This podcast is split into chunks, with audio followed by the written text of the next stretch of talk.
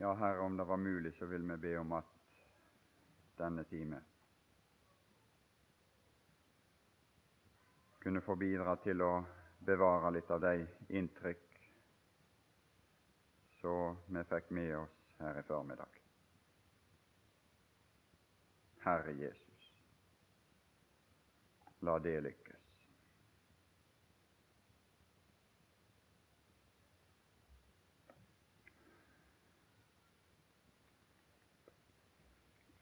Den eh, litt forsømte personen som heter Judas her. Han var jo ikke heldig med navnet sitt når vi tenker sånn i ettertid.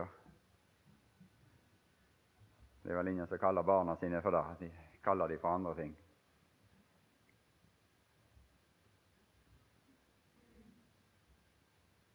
Men denne personen her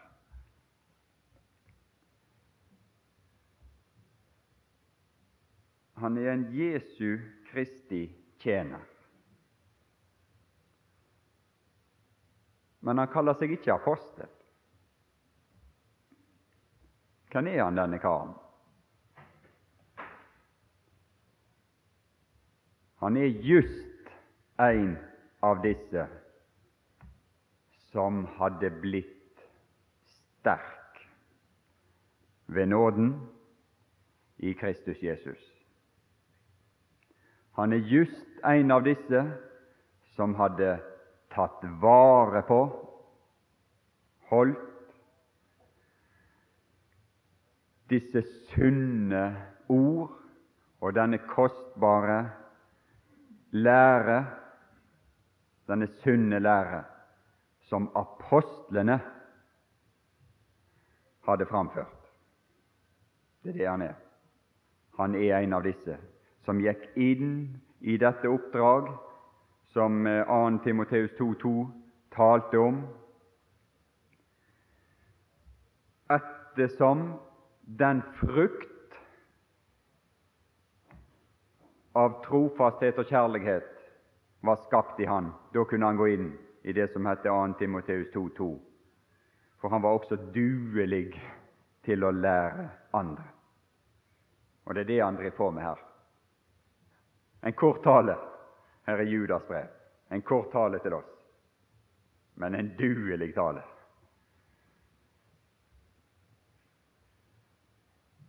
Han kaller seg ikke apostel, men han kaller seg en Jesu Kristi tjener. Og det han har gjort, det er at han har etterfulgt den formaning som Paulus gir. Han har gått inn og latt de hellige Skrifter lære seg visdom. Og I vers 5 så sier han sånn som vi sier på, når vi skal åpne et møte eller på et vitnemøte 'Jeg vil minne om'. Ikke det vi sier? 'Jeg vil minne om et vers her, og jeg vil minne om et vers der'. Det er et sånt uttrykk som, som jeg bruker. Ja, jeg vil minne dere om. Så trekker han fram ting fra Guds ord. Han henviser til de ord, står det i vers 17 og 18, som forut er talt av vår Herre Jesu Kristi apostler. Og Hvis vi lærer disse ord og tar oss dette bryderi, så kommer ikke saker og ting som overraskelser på oss. Vi sitter ikke der og måper når, når, når tingene skjer om, omkring oss og blir aldeles forstøkt når saker og ting skjer iblant Guds folk. For det er nemlig foruttalt av vår Herre Jesu Kristi apostler. Så får ikke vi det sjokket, men vi har forberedt oss på det sjokket. Og vi kan bli stand til å oppføre oss riktig i slike omstendigheter og omgivelser, og iblant et Guds folk i den tilstand vi ser det her iblant oss i dag.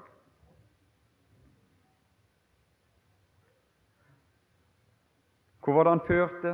Hvor, han, hvor er det han fører oss hen? Hvor er det han vil ha oss hen? Ja, det, det er den samme plassen. Det er dit han vil ha oss det inn for denne tronen igjen. Det er inn til Guds nåde, der han sjøl hadde vært, og der han sjøl hadde lært Gud å kjenne. Og der Gud hadde åpenbart seg for han som far. Dette endemålet, dette høydepunktet i åpenbarelse, når Gud åpenbares for oss som far. Og vi har denne åpne himmel over vårt liv, der du, har, der, du, du er det bevisst dette, denne røst ifra himmelen som sier 'Min sønn'. Ja, det var vel Jesus som fikk høre det. Ja, Jesus fikk høre det. Men i Hebreabrevet 12 så står det at vi kan òg høre det. Min sønn.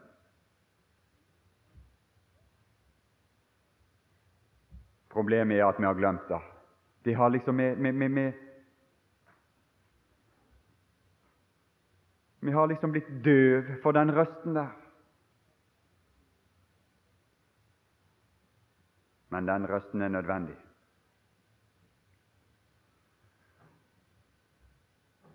og den åpne himmel som taler til oss, er nødvendig.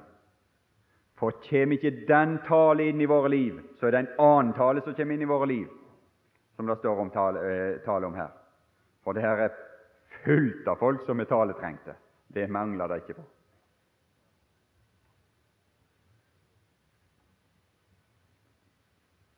Det står om noen som talte i vers 15. Det står om en Kain i Første Mosebok 4 som begynte å tale. Han talte Hvem var det han talte til?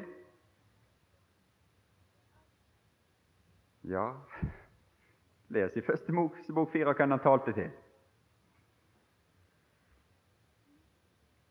Hvem var det disse talte til? De talte til troens barn. De talte til troens folk. Det var disse de angrep med sin tale.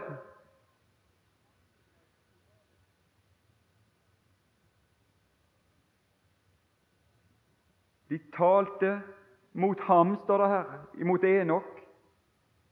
Og Kain, han gav seg til å tale til Abel. Og det er slike som gjerne vil tale til troens folk. Og hvis liksom den røsten der oppifra på en måte blir kobla ut iblant oss, så blir vi igjen et offer for disses tale, og med den ulykke som det fører med seg. Disse troens folk her, det som holdt dem oppe, det som berga dem, det var at de løfta sine ansikt, og så bevegde de seg opp imot Gud ved tro. Ved tro.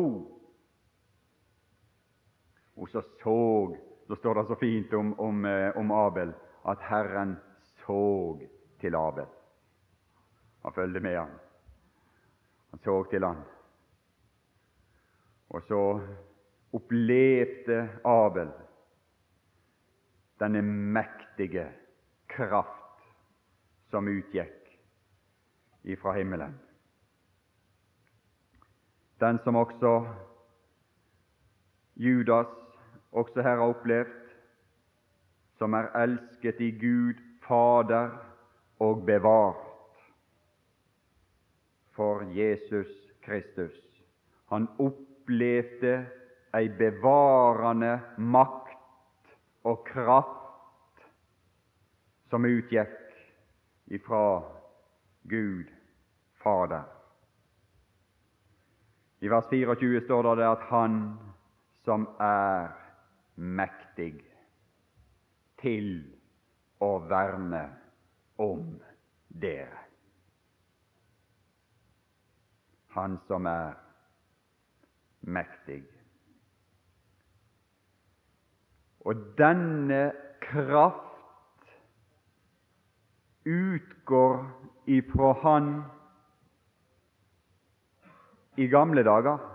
Det gjorde den.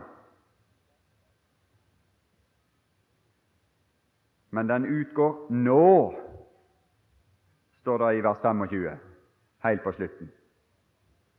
Det står at han, ham tilhører herlighet og storhet og styrke og makt før all tid, og nå Nå kan du oppleve denne makt. Ja, vi skal oppleve denne makt i all evighet. Og vi skal oppleve at denne makt i stand til å bære oss gjennom denne bederva verden og gjøre dette under, som det står, dette her er under som vers 24 taler om, som er altså noe som jeg beundrer Gud for. Å stille så dere ikke snubler, og stille dere lyteløse frem for sin herlighet i fryd gjennom alle disse makter og krefter og mektige personer og mektige innflytelser som vi skal utsettes for og, og, og, og må regne med å bli utsatt for gjennom denne verden, så er det denne makt som er mektig å verne om oss og kan stille oss lyteløse fram for sin herlighet i frykt. Det er krefter. Det er krefter. Det er et mirakel. De snakker om mirakler, men dette er et mirakel. Er et, denne kraft har et, en mirakel i sin virkning. Stille dere lyteløse frem. Det er et under.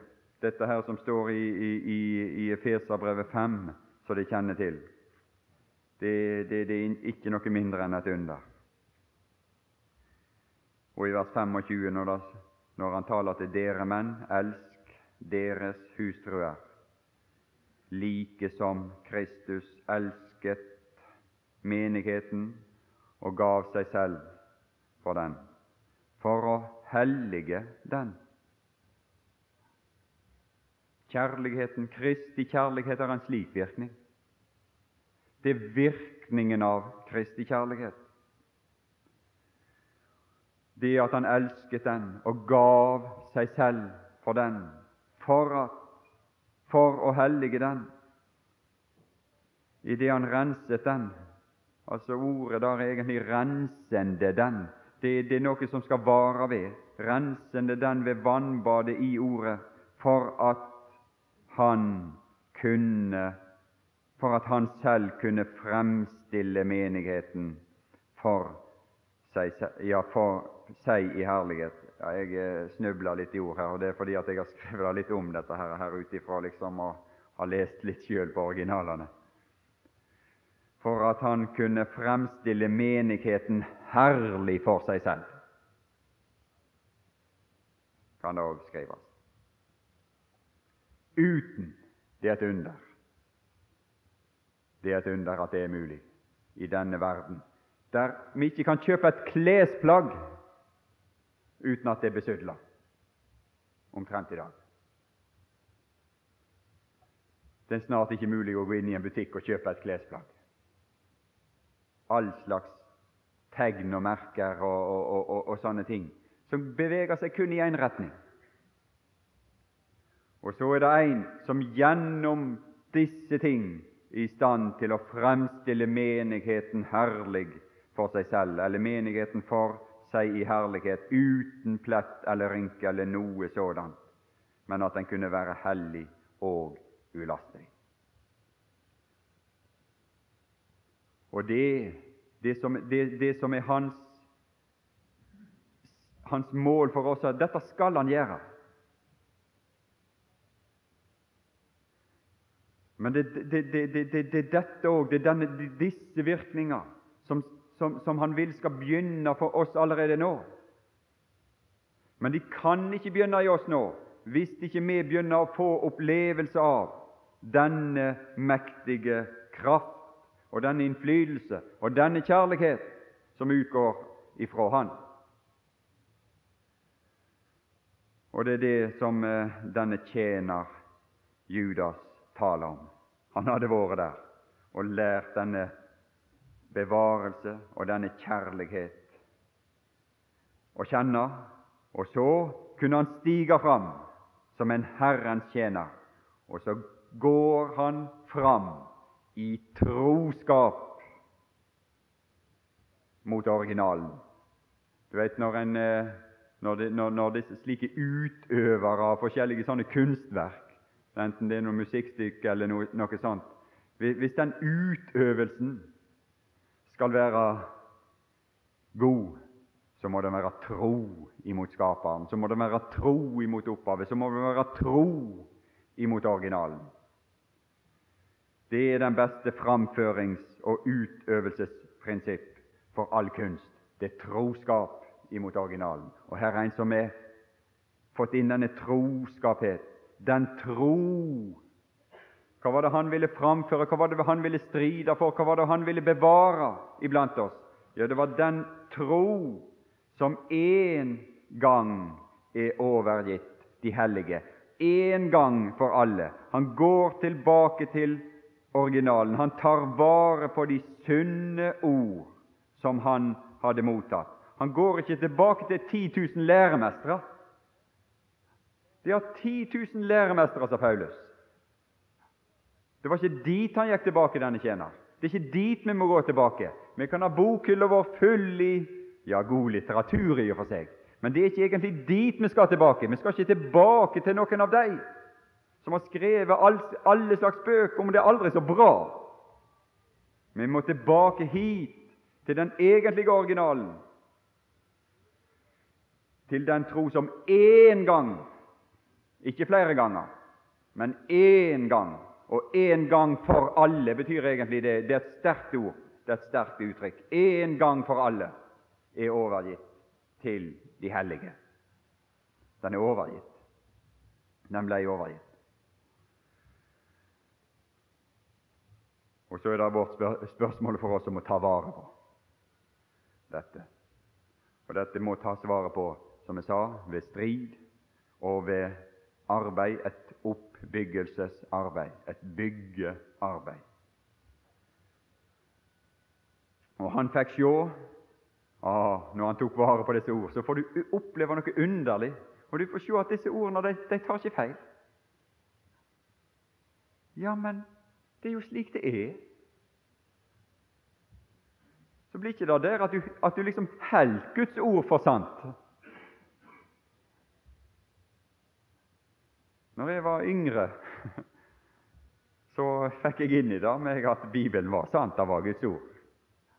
Jeg vil ikke begynne å tukle med å liksom si at det var ikke var, var, var sant, osv. Men nå er ikke bare jeg vil ikke bare holde Bibelen for sann, men jeg har oppdaget at han er sann. Han er slik.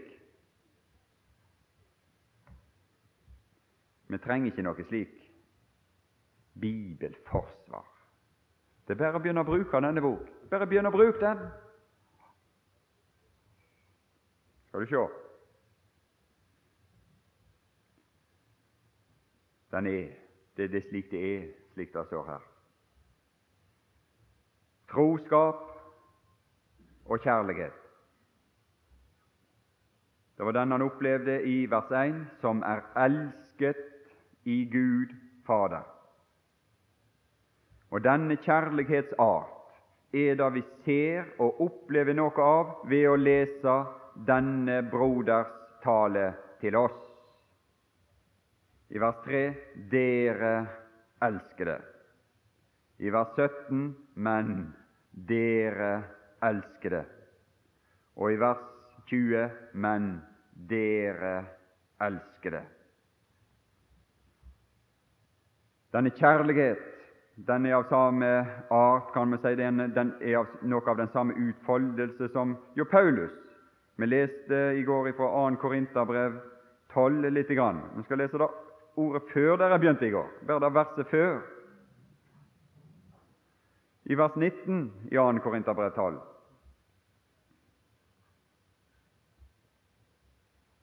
Alt lenge har dere tenkt at det er dere vi forsvarer oss for? Nei.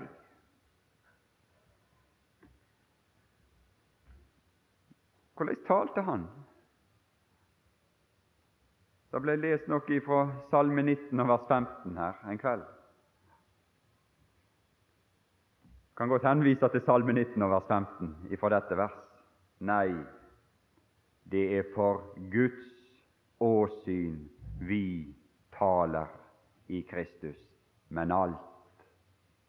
Hvis vi, vår tale ikke har sitt utgangspunkt og sitt fundament og sin, sin tilblivelse, om du vil, innenfor Guds åsyn, innenfor Hans åsyn, inn i Hans nærhet, så blir det heller ikke denne art. Og så blir det heller ikke dette resultat. Men alt er til deres oppbyggelse, mine elskede. Mine elskede. Det mangler ikke på talere i Korint. Det mangla ikke på taletrengte folk. 10 000 læremestere. 10 000 læremestere. Men i kapittel 11 og vers 11 Vi får bare hoppe rett inn i der. Hvorfor står det? Vi kan ikke kommentere det fordi jeg ikke elsker dere. Det vet Gud. Alt dette pratet om kjærlighet, alt dette pratet eh, som vi opplever om disse ting her Vi må gå inn og finne ut hva det betyr å elske. Vi må gå inn og finne ut hva kjærlighet betyr, så vi ikke lar oss totalt eh, snakke rundt av alskens prat om kjærlighet. Det var ikke de 10 000 læremestere som elska korinterne, men det var denne Paulus som talte ord ifra Guds åsyn til dem. De var ikke så begeistra for alt de hørte der. Og Da, da, da, da ble da ble slik at det vakte en del motstand, men det var han som elska dem.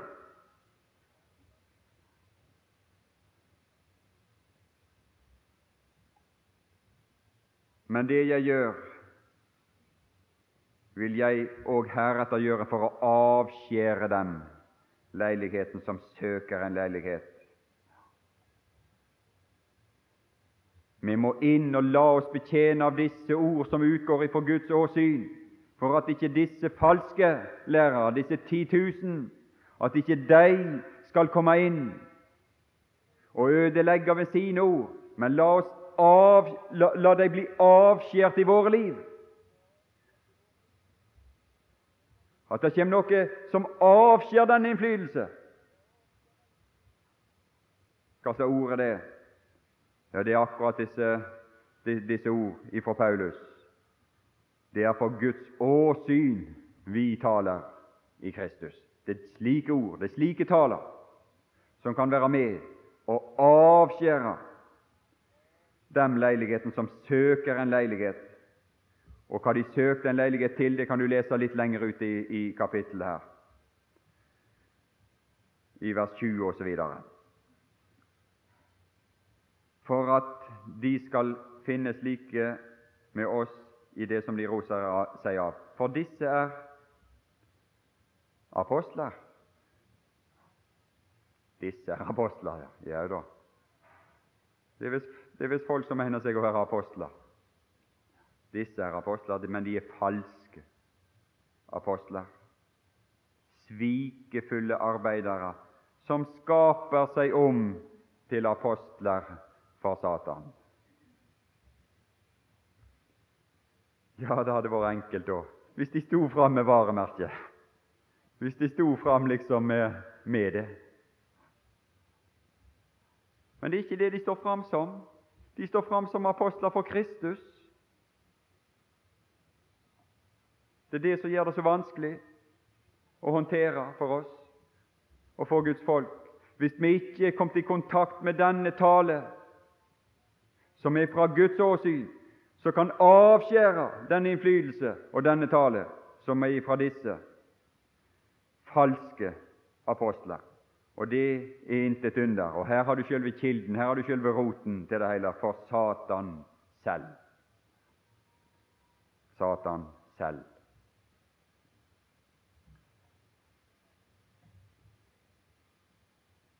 Skal muligens komme tilbake litt Jeg vet ikke hva jeg sier nå, forresten, men vi får se til akkurat disse ting. Disse forbindelser. Det som har det sanselige å gjøre, det som har med det jordiske å gjøre, hva det er forbundet med. Det som har med mennesker å gjøre. Hvor det har sitt kilde, sitt opphav. Det er nevnt allerede. Vi behøver ikke nevne det igjen. Men det står ting i Jakobs brev. Jordisk, sanselig Og så står det et ord til. Det er nesten ekkelt å ta i sin munn. Jordisk, sanselig, det som, det som, det som er, er, kommet ut av liksom det naturlige her, det som appellerer til det sanselige. Djevelsk. Ja, ja, det var ikke så behagelig for Peter når han irettesatte Jesus og måtte høre dette Vik bak meg, Satan, for du har ikke sans. Hva var det han hadde sans for? Han hadde sans for noe, jeg. men bare for det som hører mennesker til. Det, det, det, det, liksom, det, er oppstått i mennesker, det er menneskers tankegang, det er, menne, det, er liksom det som de har produsert og skaffe fram av tankegods og av læresystem, og som ikke har henta sine ting ut ifra den usynlige verden, ut ifra Guds åsyn.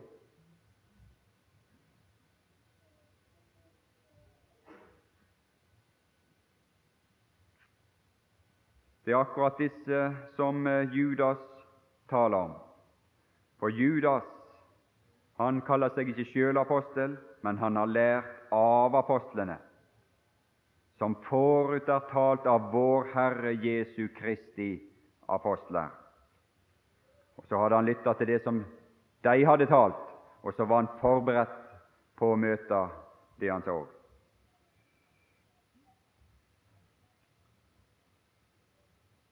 Ja, vi leste, var så vidt inne på vers 5 om folket og Gud som siden ødela dem som ikke trodde. Gud ødelegger det som ikke er av seg sjøl. Det som ikke han har noe Det som ikke tekkes han, det blir ødelagt. Og uten tro er det ingenting som tekkes Gud. Det tekkes ikke Han. Engler, står det om i vers 6, om, og, og om at de engler som ikke tok vare på sin høye stand, men forlot sin egen bolig. Han tar vare på dem. Kan være sikker på at han skal greie å ta vare på. De greide ikke å ta vare på. De tok ikke vare på sin høye stand. Men han skal greie å ta vare på dem i evige lenker under mørket til dommen på den store dag. Han har egenskaper å ta vare på. Han kan ta vare på det òg, han. men han er i stand også til å verne om dere, til å ta vare på dere, så dere ikke snubler, og stille dere lyteløse frem for sin herlighet i fryd.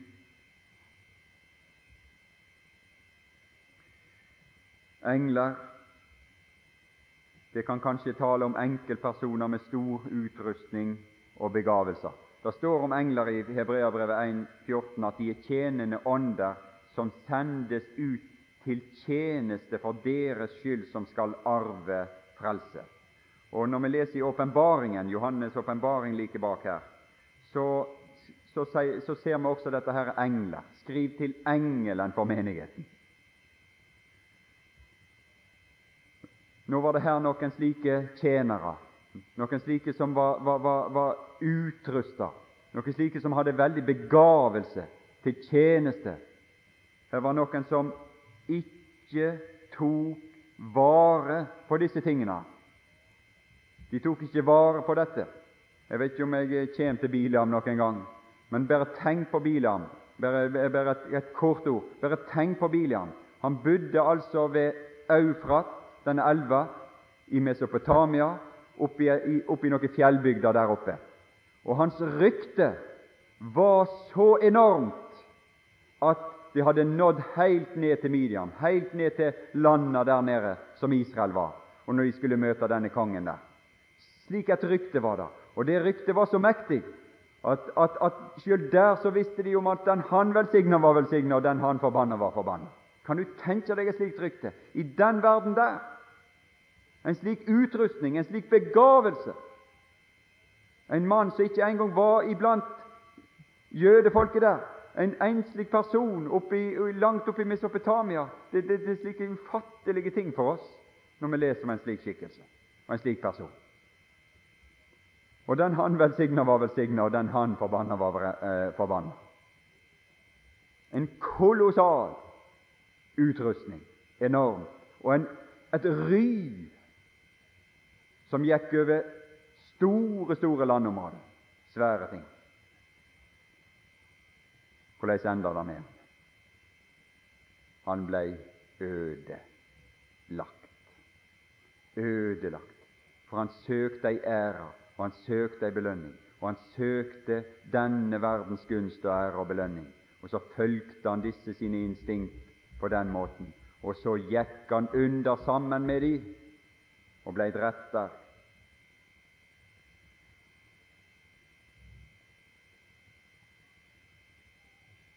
Hvis vi ikke kan komme så langt som mulig, jeg kan ta litt mer om han, men det, det vet jeg ikke om det blir tid til.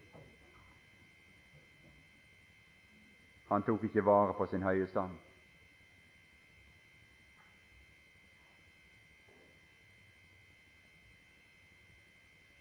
Denne nye lære, disse, disse tjenere, denne nye lære som disse tjenere innførte, den eh, medførte grufulle og forferdelige ting. Og vi kan tenke på den grufulle og forferdelige ting som Biliams lære medførte. Lære. Lære. Det medfører gjerninger, det, i neste omgang. Forferdelige, grusomme gjerninger. Biliam som lærte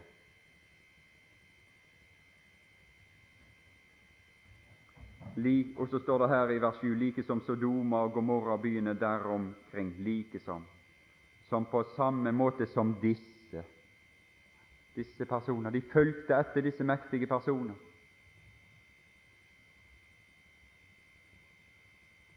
Så står det på samme måte som, som disse drev hor og gikk etter fremmed kjøtt, ligger for våre øyne som et eksempel i det de lider en evig ildstraff.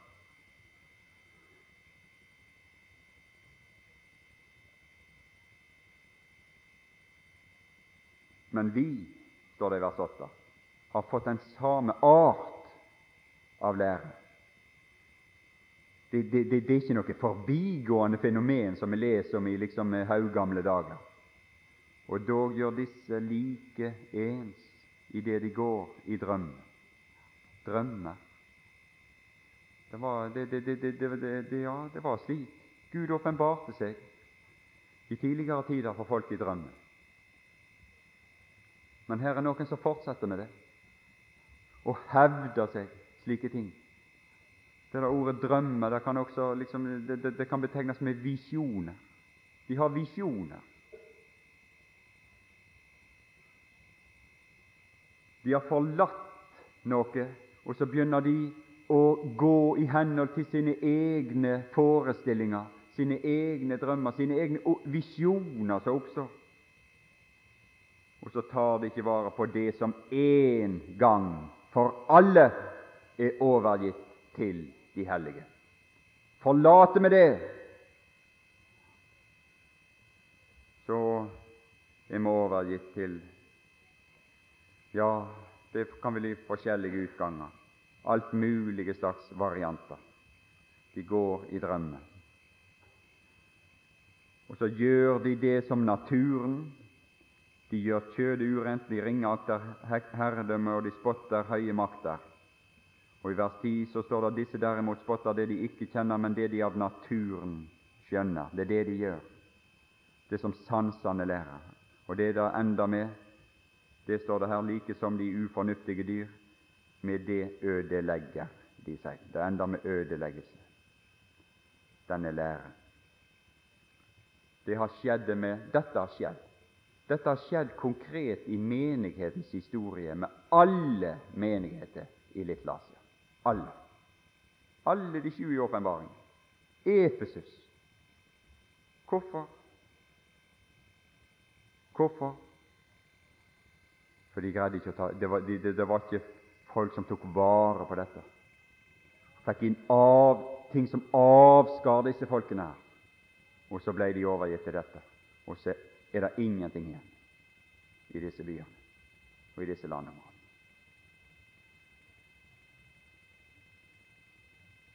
Guds tjener, Herrens tjener, han har ingen drømmer eller visjoner. Han har ingen syner. Han har ikke engang sånn like direkte synlige tildragelser som f.eks. Peter og Jakob og Johannes fikk oppå fjellet der.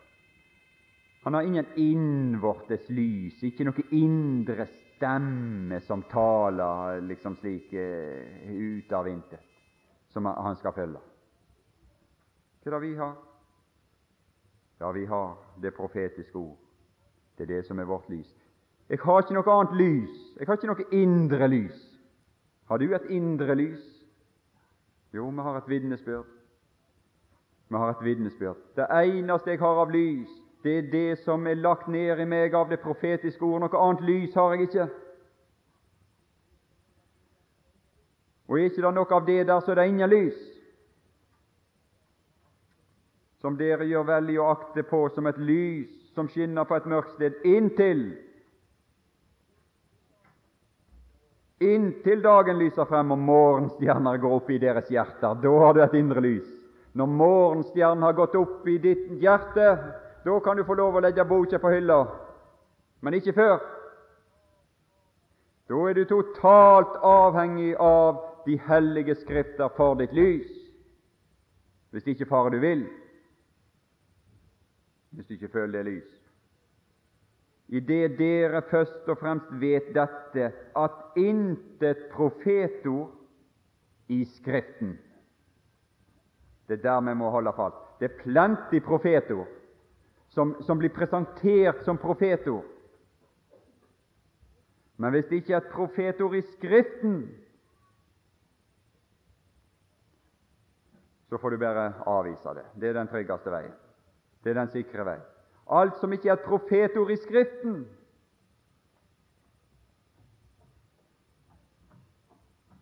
Det er det vi har å holde oss til, ikke noe annet. Og går vi etter andre ting, går vi etter andre punkt enn dette lys, som er det faste punkt, det sikre punkt, dette faste, så navigerer vi feil, så kommer vi ut med kurs. Ja, ja, litt, da, da, da, blir, da, blir, navigasjon ut av det som står i vers 13 her. Da står det om villfarende stjerner. Det er slike som vi lar oss imponere av det. De stjerner som det taler om her, det er disse du kan se kvelder som det oppstår slike kraftige stjerner på himmelen, og så ser du de fare liksom over himmelen. Men så plutselig så, så er de borte, og så har de slokna ut.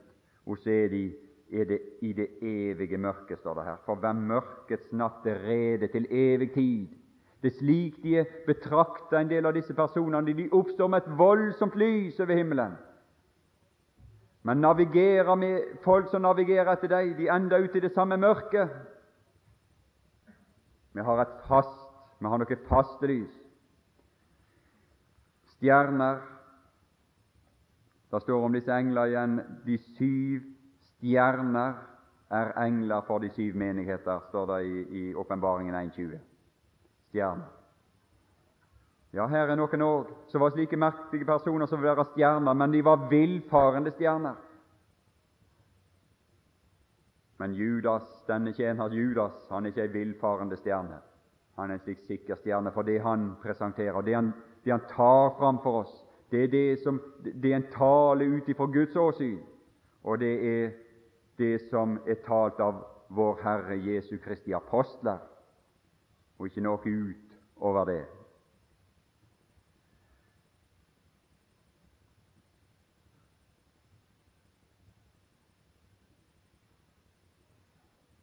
Hovedkjennetegnet på alle slike villfarelser det er ja, det som jeg sa, de angriper jo tronen, de angriper Guds nåde, de angriper denne troen, de, prøver å avskjære denne vei og denne innflytelse ned til Guds folk, slik at de kan komme inn med sin egen innflytelse. Som det står her, at, at de, de, de uh, forvender vår Guds nåde til skamløshet og nekter vår eneste hersker og Herre Jesus Kristus. Det står om at de ringeakter herredømmet det står om at de spotter høye makter. De spotter herlighet, står det egentlig der. Det er det samme ordet for herlighet som her er omsatt med høye makter. De spotter herlighet. De spotter den, den Gud, de spotter den innflytelse. De spotter den, den lære at det er inn der vi må gå.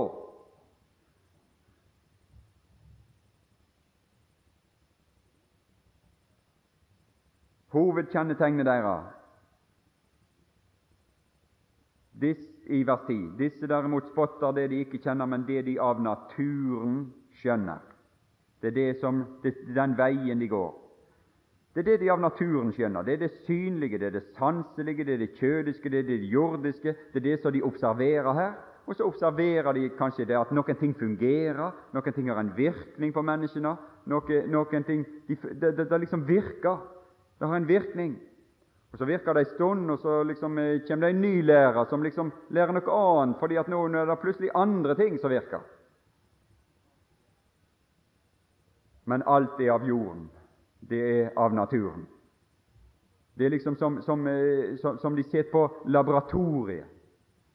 Denne er en kjent engelsk eh, liksom, forsker, den kanskje mest kjente slike liksom, mer teoretiske fysikkforskeren i dag, som bor borte i England. Han er nokså handikappet. Han har søkt etter Gud og prøvd å tenke seg å finne ut Gud i dette universet, sånt, men han har ikke funnet han. Han har gått åpent ut, men han har ikke funnet han. Nei, det har ikke han. Fordi at han vil finne Gud ut ifra naturen. Han vil, han vil finne Gud i sine eksperiment på laboratoriet. Det går ikke, det. For som jeg sa i går, du må ut i den usynlige verden for å skjønne du må ut i den usynlige verden. Du må bli overbevist om de usynlige ting. Du må gå troens vei inn til Gud for å forstå. Du kan ikke forstå om du er verdens største begavelse, og du har verdens best utrusta laboratorium, så kan du ikke forstå. Det er umulig å komme fram den veien. Men du skjønner, ved tro skjønner vi, slik at det skapte det synlige, denne verden som vi ser her, ble til ut av det usynlige. Og så må vi betrakte og se det synlige ut ifra det som vi lærer innenfor det Guds åsyn i den usynlige verden. Og det er da vi er i stand også til å møte disse ting i den synlige verden. Ved dem, for de har gått Kains vei. Vi får begynne å bitte litt på han før vi gir oss her. Kain. Ja, hvem var Kain? Han dyrka Gud, han.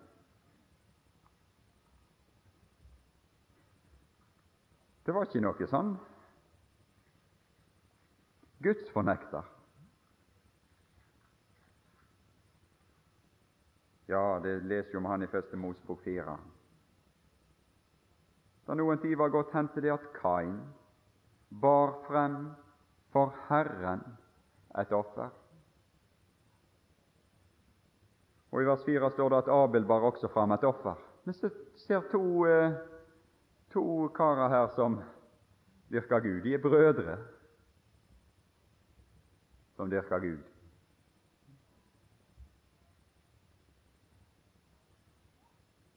Hvordan dyrker Kain Gud?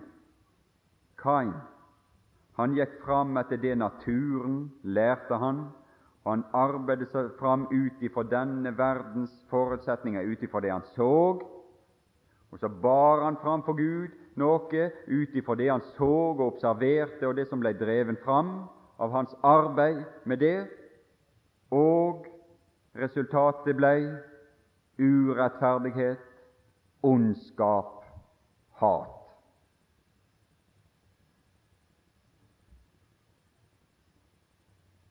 Det står her i vers 5 i Første Mosebok 4 at Kain men til Kain og hans offer så Herren ikke. Og virkningen da ble Kain meget vred. Meget vred.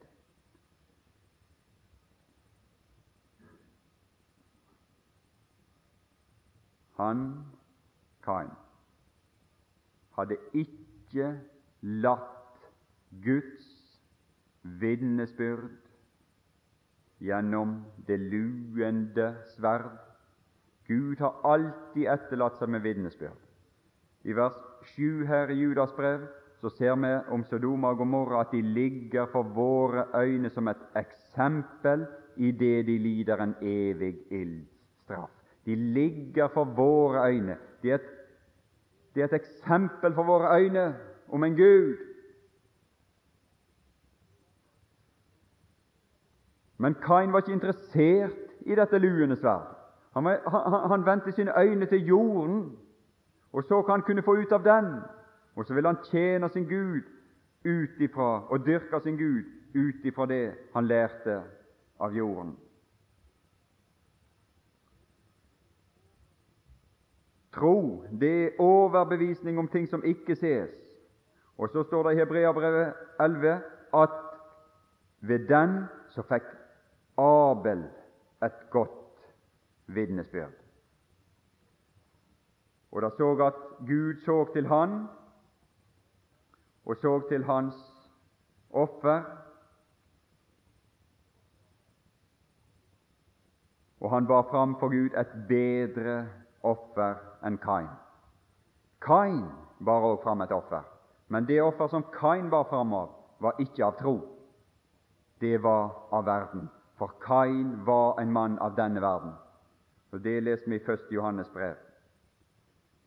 Når det står om Kain der i kapittel 3 og vers 12, da står det om Kain, og så står det at han var av den onde. Og så står det i vers 13.: Undre dere ikke, brødre, om verden hater dere. Den onde og verden, det var det Kain var av. Og Så avsluttes det, nesten til slutt i dette herre brev, så står det at, at vi vet at vi er av Gud, og hele verden ligger i det onde, eller vi kan si i den onde. Og Det korresponderer med Det kan like godt eh, skrives 'den onde'. Og Det korresponderer med det som vi ser her i kapittel 3 og vers 12 om Kain, som var av den onde, og i vers 13 så ser vi det som hendte med Kain. Undre er der ikke, brødre, om verden hater dere. Herren så til Abel og til hans offer mens verdens måte å dyrke Gud De som dyrker Gud etter verdens måte, de blir irritert. De blir, føler ubehag. Det vekkes en irritasjon, det vekkes et hat, det vekkes en følelsesmessig bevegelse imot disse andre. Og så vekkes det opp en lyst, en tanke. Disse må utryddes, vi må få dem vekk. Hva er forklaringen på at Europa har vært ifra den første tid, etter, når evangeliet kom hit, og så begynte det å, å dannes menigheter, så ble det Guds barn som ble frelst her, og som, som, som ville tjene sin Gud etter Skriftene. Men så oppsto det ganske fort en mektig bevegelse som ved siden av, som òg ville dyrke denne Gud, men etter verden, etter andre prinsipp, etter andre tanker. Og som en følge av dette så er Europas historie et blodbad. Et eneste stort blodbad. Det er på tusener og atter tusener av de som har vært, hatt Abels tro nedover på kontinentet her, som har blitt drept av de som har dyrka Gud etter verden og gått Kains vei. Det er det som er kirkehistorien. Det er det, det som vi leser her i, i, i uh, Første Mosebok 4. Det er kirkehistorie. det. det, det du, du, kan bare skrive Første Mosebok 4 det kan du skrive som et overskrift på det som har hendt i Europa opp gjennom alle disse årene her. Et blodbad. Det, no, det vekkes et hat. Se hva som skjer med denne Kain. Se hva som skjer så kan vi, vi tenke på oss sjøl. Det, det, liksom, det, er vel ikke noe av dette som kommer inn og medvirker Gud. Begynner, hvordan tenker vi? Hvordan opplever vi? Han hater sin bror. Og så ser du denne diametralt motsatte beskrivelse i vers 16 i 1. Johannes 3, når du ser troen, når du ser troens høvdingsmann, troens høvding og opphavsmann Stig fram der, og så ser du hvordan han framviser seg i denne verden. Da er det en som yter, da er det en som gir. Da er det en som set livet sitt til for andres velstand. Mens den ånd som var i Kain, det var å ta liv for sin egen begunstigelse, for sin egen vinning. Det er det som har vært tilfellet nedover i, i, i Europas historie òg. Med denne gudsdyrkelse som har vært nede, ned, ned i Europa og inn i vårt land. Det er den samme ånd. En vil ta liv. Her er noen som irriterer oss. Her er noen som dyrker guder. Som, de, de, de vekker en irritasjon fordi de er et angrep liksom på vår måte å dyrke Gud på, og vår, vår berikelse i denne måten. Vi må prøve å få dem vekk. Det er verdens ånd. Det er verdens måte å dyrke Gud på, med denne ånd. Det er ikke det, er ikke det, det, er ikke det som er framføres ved Kristus, for her står mye om broderkjærlighet i dette brev. Skal muligens komme inn på det, men vi får følge klokka.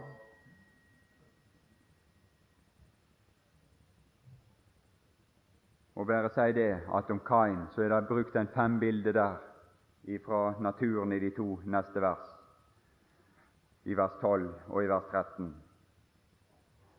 Og så kan du se slike beskrivelser. Kan vi forstå Guds vei? Vi har av og til problemer med å forstå Guds vei. Kan du forstå at han hadde råd til å ofre Abel? Det beste vitnesbyrd han hadde i den tid. Denne troes helten i den tid. Kan vi skjønne? Kan vi skjønne alle disse tingene her? Kan vi skjønne at nede i Sveits og i Italia så kunne Gud tillate at de sanne troens forkjempere der nede ble slakta ned som dyr? Disse som hadde muligheten for å utbre ting. Og de som kunne kjenne Han, kan vi skjønne alt dette? Kan vi forstå alt denne Gud? Nei, vi kan ikke skjønne alt dette. Vi kan ikke forstå alt dette. Vi kan ikke forstå hvorfor apostelen Jakob måtte lide av døden. Han skulle til å begynne på sin tjeneste. Vi kan ikke forstå alt dette, men vi har lært gjennom alt dette å kjenne en Gud som er mektig til å bevare sine gjennom alle disse ting og til å stille sine lyteløse framfor seg i herlighet en dag. Han har vi lært, og han har vi kjent. Og så får vi gå inn og følge i disses fotesvar. Og så ja, ja Så får det komme det som komme, komme, komme vil. Det får bare komme, det. Disse konsekvensene får bare komme, det. De får bare komme. Men la oss stride for den tro som en gang for alle er overgitt til de hellige og stille oss inn for Hans åsyn, som er vår eneste hersker og Herre og på den måten avskjære oss ifra den innflytelse som kan føre til at vi ødelegges. Herre, nå ber vi igjen at det som er lagt inn på oss denne dag, på vårt sinn og vårt hjerte og vår tanke, at noe av dette måtte bli bevart for den enkelte. Bli bevart for det. Så signer du oss, så signer du vårt måltid nå, og så signer du kvelden videre. Amen.